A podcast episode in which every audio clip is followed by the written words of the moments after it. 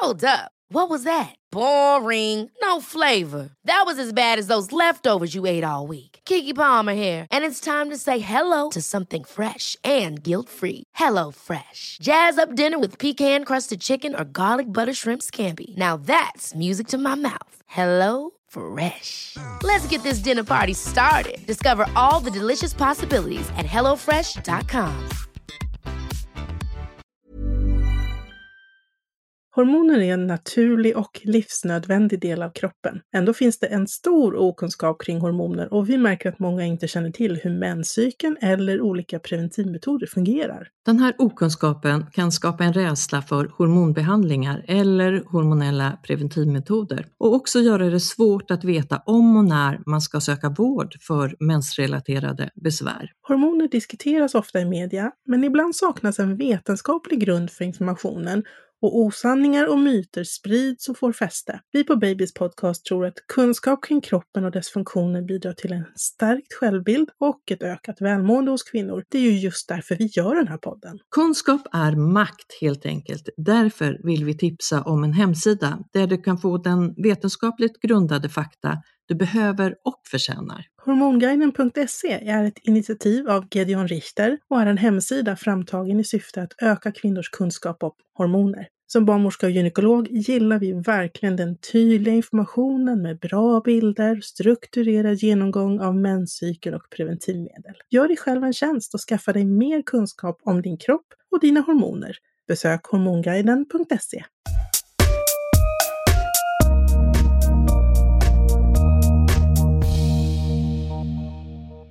Urinvägsinfektion under graviditet är vanligt och såklart jobbigt och kan leda till komplikationer om den inte behandlas. Så är det, eller hur Rebecka? Mm, så är det. Så att urinvägsinfektion är något vi ska hålla koll på och vara noga med att behandla. Och det ska vi prata om idag. Orsaker, symptom, risker, behandling i dagens Babys podcast. Du är välkommen hit. Jag är Karina barnmorska. Jag är Rebecka, gynekolog.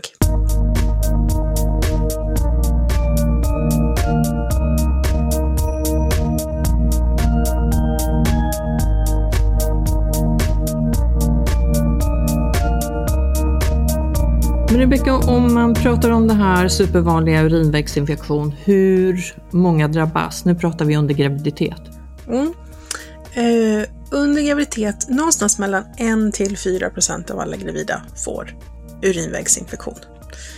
Ehm, och det eh, kanske inte låter så mycket, men då ska man komma ihåg att eh, i den gruppen så är det flera som får det liksom hela tiden, upprepade gånger under graviditeten. Så det kan faktiskt bli ganska så jobbigt med ja, men upprepade antibiotikakurer och eh, upprepade urinodlingar och så får man antibiotika och då får man svampinfektion. Alltså det kan bli lite en jobbig spiral av det. Men hur många ogravida har det då? Vad är skillnaden? Oh, oh, det har jag faktiskt ingen statistik på, men det måste vara mindre, mm. alltså färre, därför att det är, alltså, det är vanligare med urinvägsinfektion under graviditet än vad det är annars. Um, och, och, det har ju liksom att göra med flera faktorer. Dels är det så under graviditet att vi har faktiskt ett nedskruvat immunförsvar. Vi har sänkt effektiviteten på vårt immunförsvar för att tolerera att vi har en, en liten främmande person inne i oss. Eh, den andra faktorn som gör att det blir lite lättare att få urinvägsinfektion, det är att urinvägarna är lite vidgade under graviditeten. Eh, det vill säga då både urinblåsa och urinledare och även njurbäcken. Och det här gör att urinen passerar lite långsammare och blir liksom stående längre i urinvägarna. Eh, så det är en grogrund för, för infektion när urinen står längre. Ha, har, det att göra, har det att göra med också att man har en eh, förändrad hormonbalans? Mm, egentligen inte så mycket hormonbalansen skulle jag säga, för att eh, under graviditet så har man ju höga nivåer av östrogen, vilket faktiskt gör slemhinnan i urinröret liksom lite tjockare, lite fylligare, eh, täpper till bättre. Så att egentligen borde färre bakterier kunna smita upp. Eh, men problemet är att när de väl ändå gör det eh, så finns det liksom så mycket urin stående i urinvägarna att det ändå finns en risk för att det blir en infektion. Så att hormonerna eh, gör väl kanske sitt bästa för att hjälpa oss, men det är andra faktorer som påverkar mer. Negativt. Mm. Ja, anatomiska och eh, mera liksom immunförsvarsmässiga Mm. faktorer. Vet du någon annan orsak? Ehm, nej, det är väl framför allt, om jag inte glömmer bort något helt, men det är framför allt det här med immunförsvar och att det blir stående. Mm. Men du, vi ska vara tydliga med att vi pratar urinvägsinfektion, det vi kallar UVI, och inte GBS. För GBS har vi pratat om tidigare. Ja, och GBS det står ju för grupp B streptokocker. Eh, och det, eh, de kan man ju ha i urinen. Alltså du kan ju få en urinvägsinfektion med GBS. Men, men i det här avsnittet så ska vi liksom prata om de andra bakterierna, de här vanliga urinvägsinfektionerna. För GBS är ett specialfall. Och som sagt, det har vi ett helt avsnitt om. Eh, så nu, som jag sa till dig lite skämtsamt innan Karina, idag ska vi prata om vanlig BON-UVI, den van, de vanligaste varianterna. Liksom. Det ska vi göra. Men du, finns det några riskfaktorer? Eh, att, att tidigare UVI, alltså urinvägsinfektioner eller njurbäckeninflammation, pyelonefrit, det vet vi ju är en eh, ökad riskfaktor. Precis, att man har haft eh, pylonefrit eller, eller njurbäckeninflammation, eh, som man kallar det på svenska, att man har haft det tidigare i livet eh, är en riskfaktor. Att man kanske tidigare också haft upprepade urinvägsinfektioner eller haft en urinvägsinfektion under senaste året innan man eh, blev gravid eh, kan också vara en riskfaktor. Att ha en kronisk njursjukdom är också en riskfaktor. Eh, att ha diabetes, det vill säga innan graviditeten då, eh, också en riskfaktor. Och kopplingen där, Rebecka?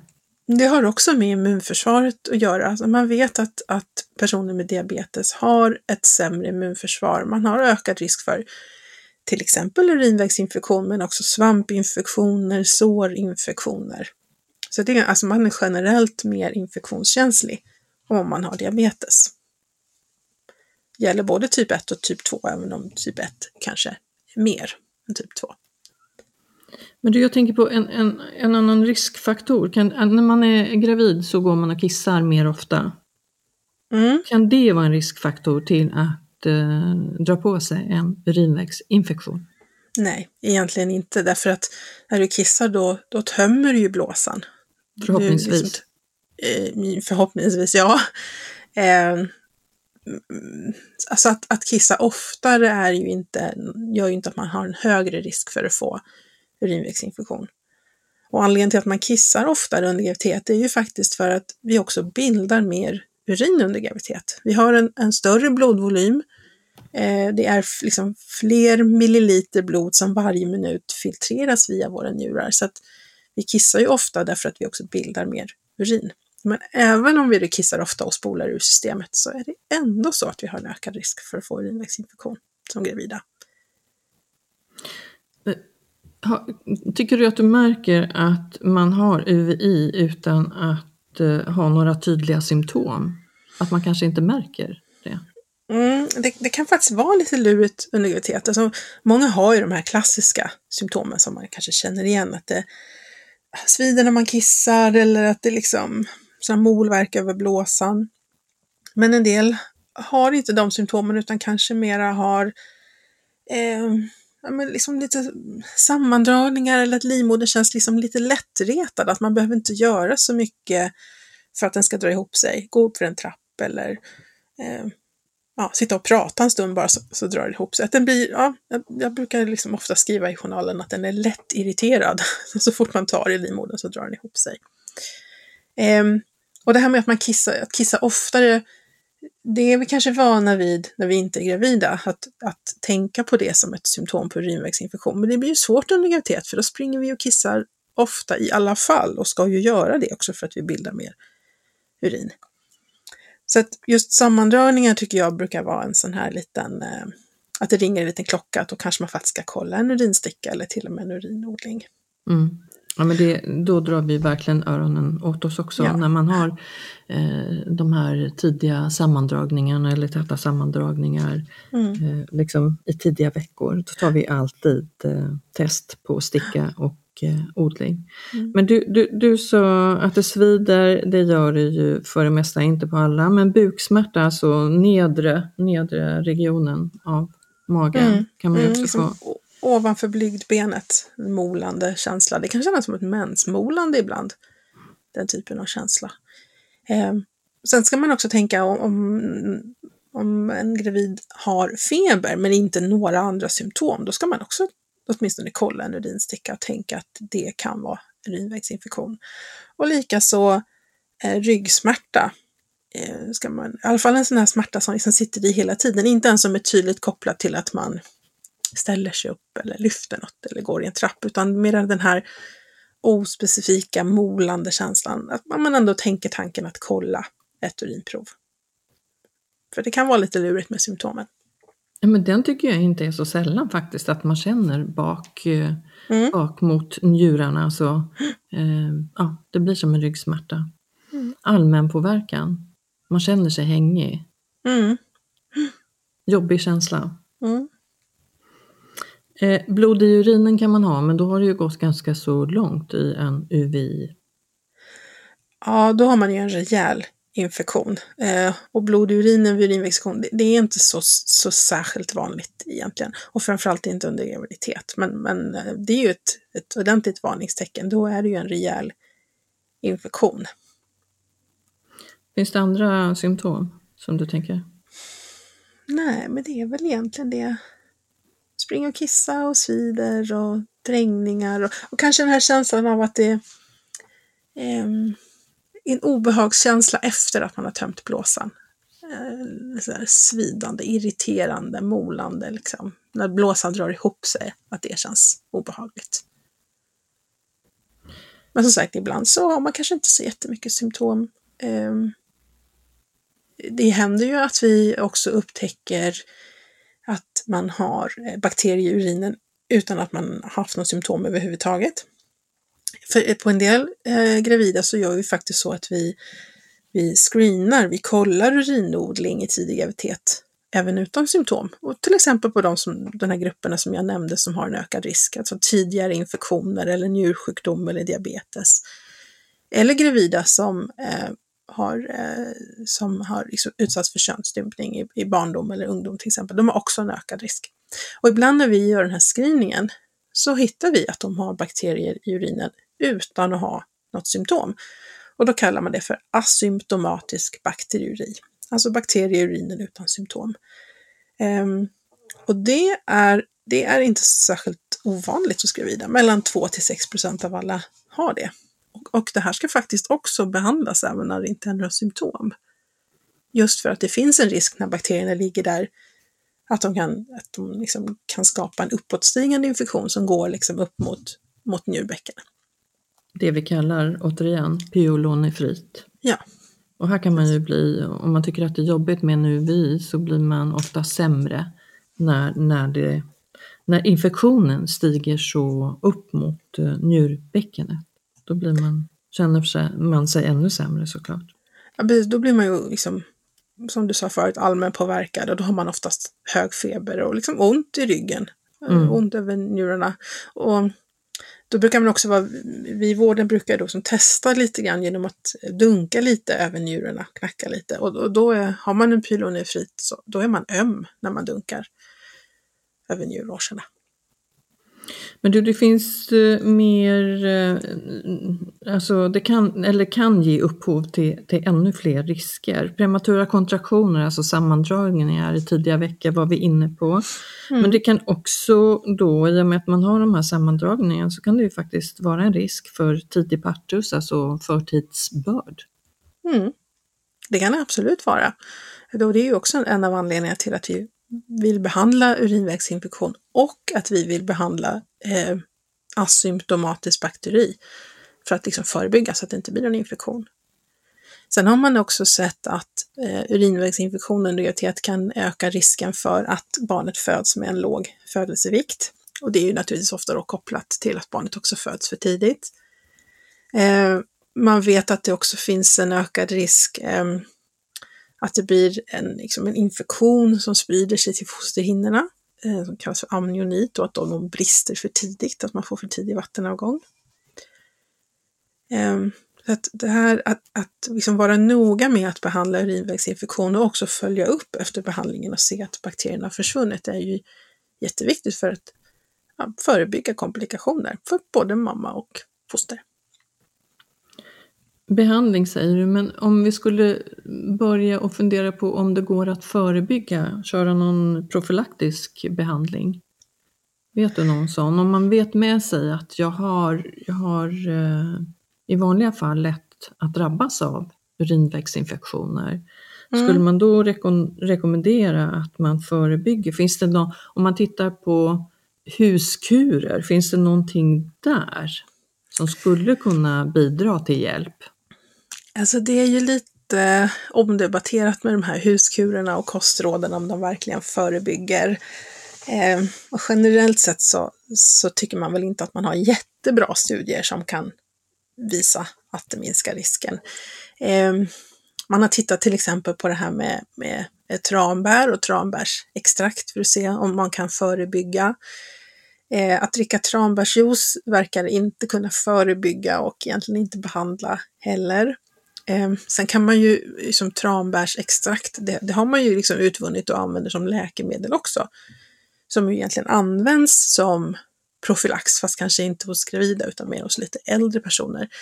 Men bevisen där är ju inte super, super bra heller. Eh, så att jag tänker, det viktigaste att göra själv är egentligen att alltså tömma blåsan. Gå och kissa när man är kissnödig och att verkligen tömma blåsan ordentligt. Och som gravid så kan det ju faktiskt kännas att det kan vara lite svårt för att det, ja, men det, det trycker på urinblåsan liksom och den kanske hamnar i kläm lite grann bakom den här stora livmodern. Eh, då brukar jag rekommendera någonting som heter så fånigt som dubbelkissning.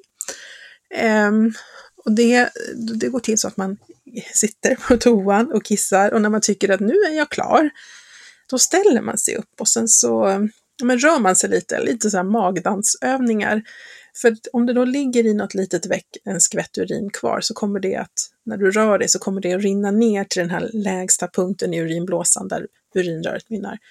Så kan man sätta sig ner så kan man kissa ut de här sista dropparna också. Men du, eh. dubbelkissning är dubbelt så bra? Absolut, och dubbelkissning är ju liksom, det, skydd, det, det skyddar ju faktiskt, det, det minskar risken för urinvägsinfektion.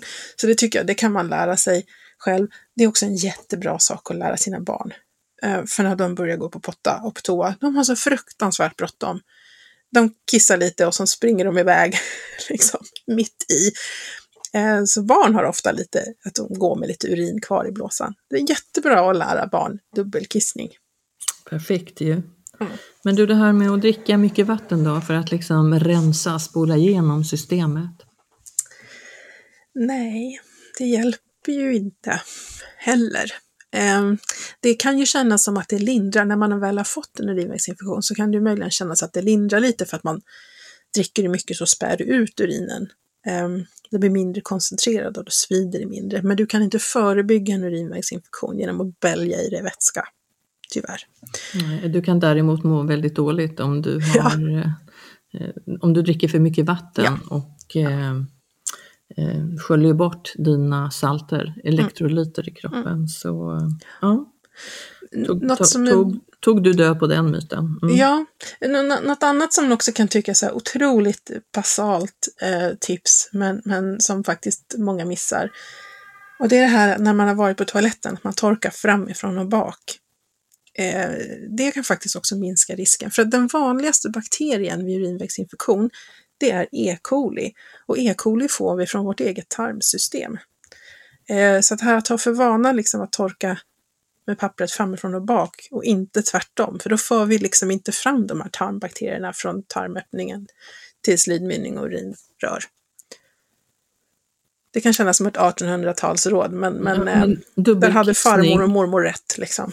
Ja, men verkligen. Dubbelkissning och torka rätt. Mm.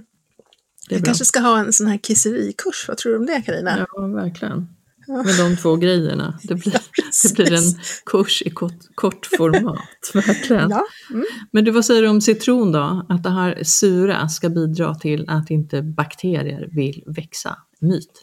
Eller? Myt. finns tyvärr inget vetenskapligt bevis för att det fungerar. Heller. Nej. Då, är, då finns det nog lite mer evidens för, för tranbär än för citron. För det handlar, det handlar inte om det sura, utan det handlar snarare om ämnen i, i tranbären i så fall som möjligen kan ha en liten effekt. Men väldigt blygsam. Vad sa du? Det här åh, ämnet. Nu satte du mig på portan. Mm. Eh, det kommer jag inte ihåg vad det heter. Det lilla ämnet. Det får jag låta vara osagt. Mm.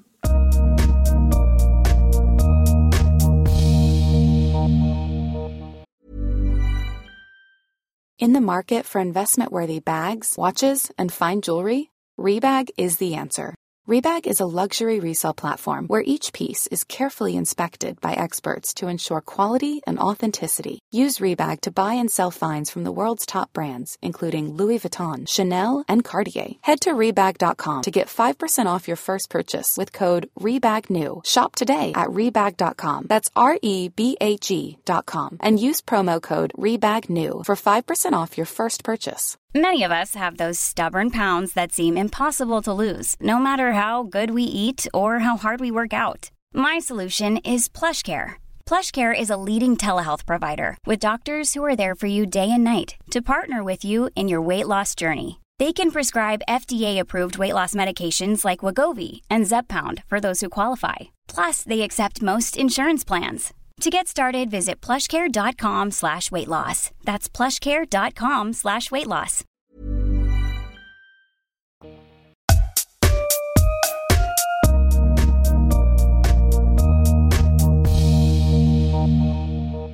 Är det något jag bör undvika då? För, eller tidigare så sa man att eh, undvika koffein, typ kaffe, te. Mm, nej. Myt? Myt. Ja. Mm. Kol, kolsyra, hur är det med det? Mm, har ingenting med urinvägsinfektion att göra. Myt? Mm. Eh, kissa efter omslutande sex? Mm.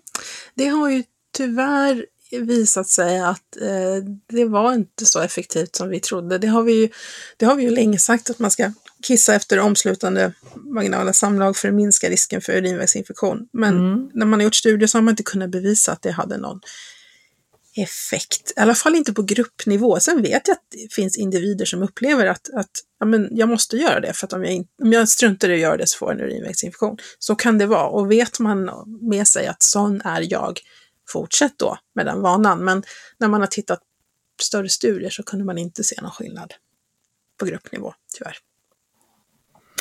Tur att vi håller på med våra studier och forskning. ja. Mm. ja. Eh, men när, vilka bakterier sa du? Mm. Det absolut vanligaste är det som kallas för E. coli. Det är alltså mellan 80 till 90 procent av alla urinvägsinfektioner under graviditet är E. coli. Men sen, kan, sen finns det lite andra bakterier. Vi pratade ju till exempel om, om streptokocker, GBS. Man kan också eh, faktiskt ha urinvägsinfektion med stafylokocker. Då finns det två typer. Eh, den ena heter Staphylococcus saprophyticus. Snyggt namn va? Mm, verkligen. Ja, kommer jag ihåg under utbildningen att de pratade om att den var vanlig hos sexuellt aktiva unga kvinnor. Var på någon i min kurs räckte upp handen och sa typ alla då, eller? Eh, ja, men den ser man ibland i odlingssvar. Man kan också faktiskt ibland se att man får svar att man har eh, Eh, hudbakterier i urinblåsan. Men det är, det är nog mer om, om man till exempel haft kateter eller har tappat sig, då råkar man föra in lite hudbakterier. Och sen finns det lite andra ovanliga liksom, bakterier också som vi kan hitta. Men E. coli är absolut vanligast. Men du, när du ändå är inne på det här och, och få en kateter eller en tappningskateter, alltså antingen att man tappar ut urin och det är ju kanske då mer förekommande postpartum efter, Mm. eh, efter att man har fött barn för att man inte kan tömma blåsan och det kan vara av olika anledningar. Eh, och ibland så får man ju den här kvarliggande katetern och då vet vi ju också att vi har ju en ökad risk då för att få en urinvägsinfektion infektion. Så vi vill ju gärna försöka att undvika det, men ibland så, eh, så måste vi ju tappa blåsan. För framförallt då efter förlossning så är det ju väldigt viktigt att blåsan är tom för att vi inte ska eh, få en för stor blödning. Eh, för risken att vi fortsätter att blöda är ju från livmodern och den är ju avhängig, den, den får ju liksom lättare att dra sig samman, att kontrahera om blåsan är tom. Mm. Så att här försöker vi ju att kvinnor, och vi är väldigt tjatiga, ursäkta, med att, att man ska kissa eh, efter man har fött barn och också då för att livmodern ska dra sig samman för att minska risken för stora blödningar. Mm. Eh, och, och, kan man inte det, då kan man bli tappad på urin med en sån här kateter. Har man stora mängder urin kvar, då kan man behöva en kateter som, som ligger kvar Mm. eh, ett tag. Men som sagt, då ökar ju risken. Eh, det är ju inte hundraprocentigt att man får en UVI, men risken ökar dock. Ja, den gör ju det för att då finns det ju mm, Dels om man liksom tappar och får in kateter så finns det ju alltid en risk att man för med sig bakterier från huden till exempel då, in. Eh, eh, och har man en kvarliggande kateter så har man ju också lite grann en, en, en inkörsport, liksom. Själva katetern är en liten autostrada för, för eh, bakterier. Så att, ja, men som du säger, det betyder ju inte att man alltid får en infektion efter, men, men lite vanligare än om man inte haft en kateter eller tappat sig. Men du, då, och då, det är ju inte så att vi per automatik eh, behandlar de som har blivit urintappade eller får den här kvarliggande katetern. Men när vi vet att det är en UVI, alltså en urinvägsinfektion, eh, så behöver vi ju behandla. Det rekommenderar man, för annars så har vi ju då eh, att den kan ge upphov till risker som vi var inne på som, som ja, komplikationer mm. helt enkelt, som vi inte vill att eh, gravida ska få. Men du, om vi börjar där med screeningen. Eh, hur, vi tar en urinsticka. Mm. Eh, ja, egentligen är det så här att om man, gör, om man screenar, alltså de här grupperna jag pratade om som hade en ökad risk för att få urinvägsinfektion, de screenar vi egentligen med urinodling, inte med urinsticka. Man börjar, man, kör, man hoppar över stickan? Ja, för om det är så att man ska screena någon som inte har symptom eh, så är inte eh, urinsticka särskilt träffsäkert, tyvärr. Eh, därför att det man tittar på en urinsticka är till exempel förekomsten av vita blodkroppar i urinen. Eh, det har man alltid lite mer av som gravid, även om man inte har en urinvägsinfektion. Och sen så tittar man på någonting som heter nitrit. Nitrit är ett ämne som vissa bakterier producerar och då kan man ha positiv nitrit i urinen. Men alla bakterier bildar inte nitrit. Så man kan liksom inte utesluta en urinvägsinfektion med ett negativt nitrittest. Så därför, om man tänker screening helt utan symptom, så är det bättre med en, en urinodling. Det är en annan femma om någon har symptom på urinvägsinfektion, då tar man ju ofta en urinsticka. Eh, men man tar också en urinodling. Eh, för att om urinstickan är, är liksom positiv och den visar att ja, men här finns det tecken till urinvägsinfektion, så skickar man odlingen, man skickar urinodlingen samtidigt. Eh, sen kanske man inte väntar med att sätta in behandling tills man har svaret, i alla fall inte om den här personen har jättemycket besvär. Eh, det är väl liksom en sån här klassiker att man kommer till mödravården en, en liksom fredag klockan 12 och har urinvägsinfektion, eh, då vill man ju inte gärna liksom vänta tills man har fått odlingssvaret på måndag eller tisdag morgon, utan har man bara säkrat odlingen så kan man sätta in en behandling och så kanske man får byta behandling om man sen ser i odlingssvaret att det var fel antibiotika. För vi vill ju gärna veta då eh, vad det är för typ av bakterie och vi vill också veta hur mycket mycket utav den här bakterien som finns. För det har också viss betydelse för om vi behandlar och hur vi behandlar och så vidare. Um, och behandlingen är ju då antibiotika. Det finns några olika typer av urinvägsantibiotika som går bra att använda under graviditet. Eh, och där styrs vilket preparat vi väljer. Det, det beror dels lite grann på när i graviditeten det är. För att i tidig graviditet så är det vissa preparat som är bättre och i slutet så är det eh, andra preparat som kan vara bättre. Och sen så får vi ibland byta sort för att vi får svar att nej men, just i det här provet så växte det bakterier som är resistenta mot den här antibiotikan. Då får vi byta sort. Och därför så är det ju bra att vi gör de här odlingarna och odling betyder ju, och det har vi också pratat om tidigare, att odling betyder ju att vi odlar fram då från den här eh, urinen och ser vilken sort. Och det mm. tar ju eh, det tar ju någon eller några dagar. Ibland går det lite snabbare och tar någon dag. Men, men eh, som ordet är, att odla fram, det går inte på, på några minuter. Då får vi inte ett rättvist svar. Liksom. Nej. Och olika bakterier växer olika fort också, så mm. det, det, kan, det kan verkligen diffa hur snabbt Precis. det här Så kommer. jätteviktigt att man får rätt, rätt behandling här. Ja. Och sen är det också så himla viktigt, jag menar i vanliga fall om man inte är gravid, så eh, man får sin urinvägsinfektion eh, och man får sin behandling och sen blir man bra så är det fine. Men, men just under graviditet så är vi så noga med att verkligen vara säkra på att vi fick bort bakterierna. Eh, så vi har som rutin att efter att man har tagit sin antibiotikakur, efter att man är klar med den, så tar man faktiskt en ny odling någonstans mellan 7 till 10 dagar efter avslutad kur. För att vara helt säker på att det inte är någon bakterier kvar i urinen. För är det det, då måste man behandlas igen och då brukar vi ofta byta antibiotikasort så att vi inte kör samma två gånger på raken. Men så det, det är ganska kort antibiotikakur, men vi följer ju alltid upp och ser att det blir bra.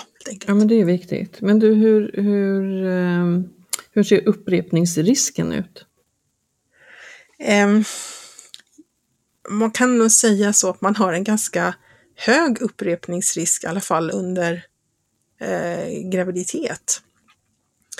Så har man väl haft urinvägsinfektion en gång under graviditeten så har man liksom en, en ökad risk att, att få tillbaks det. Så att ofta gör man så att om man har haft en urinvägsinfektion under graviditet så kollar man, man kollar liksom en ny urinodling. Um, och, och uh, inte bara den här kontrollodlingen, att man kanske tar en, en odling lite senare också. Om, om man tänker att man har haft en urinvägsinfektion, vad ska vi säga, vecka 8 Eh, och den läkte ut och kontrollodlingen var, var normal, det var inga bakterier kvar. Så är det så ändå så att i många regioner, jag vågar inte svära på att alla har de riktlinjerna, men de flesta regioner har ändå den riktlinjen att då kollar man ändå en urinodling i andra trimestern, alltså andra tredjedelen av graviditeten och i tredje trimestern. För att bara screena så att det inte har kommit tillbaka. Och är det så att vi har någon gravid som faktiskt får urinvägsinfektion eh, kanske två gånger eller mer, då brukar man sätta in förebyggande behandling, eh, alltså profylax som man kallar det. Att man får ta antibiotika till natten varje dag hela vägen fram till förlossningen för att inte drabbas av urinvägsinfektion igen. Men du, du pratar ju om vikten av att behandla och då är det ju många som är oroliga för all antibiotikabehandling och risken för att drabbas av andra infektioner. Jag tänker det, vi har ju influensatider och vi har RS-tider och eh, ja, andra tider på året och så har vi risken för svamp och så vidare. Mm. Hur tänker vi? Alltså, när det gäller antibiotikabehandling eh, så vet vi, en sån sak som svampinfektion till exempel, det vet vi att det, det är inte helt ovanligt att man tyvärr får svampinfektion efter eh, antibiotika. Och det gäller ju inte bara antibiotika mot urinvägsinfektion, utan det gäller ju även antibiotika mot ja, men halsfluss eller öroninflammation eller liksom vilken, vilken antibiotikabehandling som helst egentligen. Och det är också extra lätt att få svampinfektion under graviditet generellt. Men, men det är ändå så att, att det, nackdelen med att avstå från behandling av urinvägsinfektion, de är så stora så att, att liksom risken att få en svampinfektion, eh, det får man liksom ta. Svamp är jobbigt men det är inte farligt på det sättet som en urinvägsinfektion är. Så där får man liksom tyvärr riskera den svampinfektionen i så fall. Om, om man tänker på de andra infektionerna du nämnde, liksom eh, influensa eller RS eller förkylning, det påverkas ju inte av att vi har ätit eh, antibiotika. Så du, om du har ätit en antibiotikakur så är du ju inte mer mottaglig för, för influensa till exempel, bara för att du nyss har ätit antibiotika. Det som däremot kan göra dig mer mottaglig, det är om du har en pågående infektion i kroppen, till exempel en urinvägsinfektion, som immunförsvaret är liksom fullt upptagen med att försöka bemästra. Då kan du vara lite mer mottaglig för andra infektioner samtidigt. Men det är alltså infektionen i sig som gör dig mer mottaglig för andra infektioner, inte antibiotikabehandlingen. Men det är så viktigt att du säger det också, för att det är många som tror liksom att uh, man är mer mottaglig om man mm. har tagit de här antibiotikakurerna. Sen ska vi ju alltid vara restriktiva med den, men här kan, ja. det, här kan det ge upphov till så många andra risker så att uh, Ja, och det, det är ju så här, vi har ju tyvärr en ökande antibiotikaresistens i världen, i Sverige och i världen. Det vill säga att fler och fler bakterier blir motståndskraftiga mot de antibiotikasorter vi har. Eh, så det gör ju att vi är ju i vården, vi är ju restriktiva med att skriva ut antibiotika. Vi skriver bara ut det liksom när det verkligen behövs och vid många eh, tillstånd så eh, har man till och med liksom riktlinjer att man avvakta lite och se om kroppen kan läka ut det själv. Till exempel urinvägsinfektion hos icke-gravida.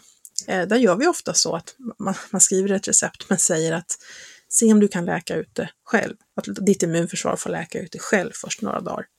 Funkar inte det så kan du hämta ut medicinen. Men på gravida kan vi liksom inte gambla på det sättet.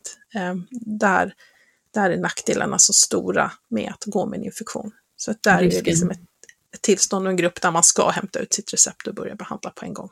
Och risken för komplikationer därefter. Mm. Mm, precis. Eh, ja, vad har vi mer att säga om UVI? Vad har vi mer att säga? Ja. Kan det skada bebisen?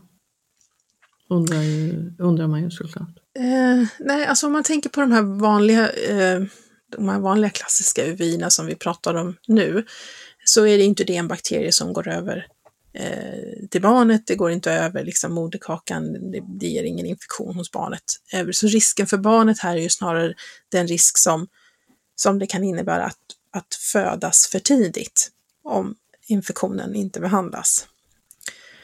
Eh, vi har ju tidigare pratat om, om GBS som urinvägsinfektion och det är ju lite ett special område, där kan det ju finnas liksom, nackdelar även för barnet när det ligger kvar i magen. Men då tycker jag, gå liksom, lyssna på det avsnittet, bläddra tillbaka och lyssna på det avsnittet. För det är ju en det är ju inte en klassisk vanlig urinvägsinfektion, utan då är det en väldigt speciell bakterie med andra risker.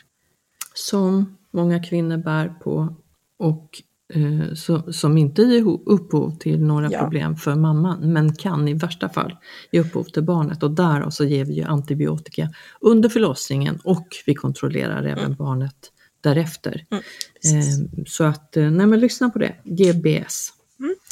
Eh, ja, det var väl dagens avsnitt? Ja, jag tror det. Ja. En kort du... liten urinvägsinfektion. Ja, precis. Så, så, så eh, det, det, vi kunde konstatera det var att dubbelkissning är ju superbra och torka sig framifrån och eh, framifrån och bak. Det var dagens tips. Ja, verkligen så här. Dagens råd från ja. tant Rebecka och tant mm. Carina. Ja. ja, dubbelkissning. Mm. Perfekt.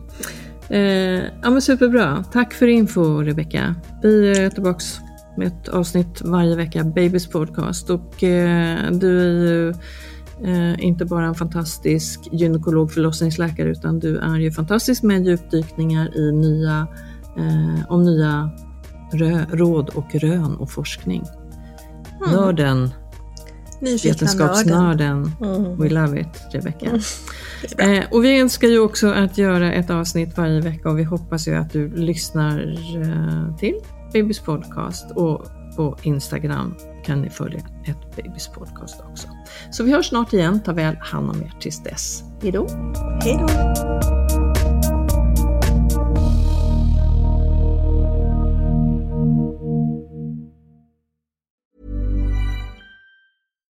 Deserves the best, and there's no better place to shop for Mother's Day than Whole Foods Market. They're your destination for unbeatable savings, from premium gifts to show-stopping flowers and irresistible desserts. Start by saving 33% with Prime on all body care and candles. Then get a 15-stem bunch of tulips for just $9.99 each with Prime. Round out Mom's menu with festive rosé, irresistible berry chantilly cake, and more special treats. Come celebrate Mother's Day at Whole Foods Market.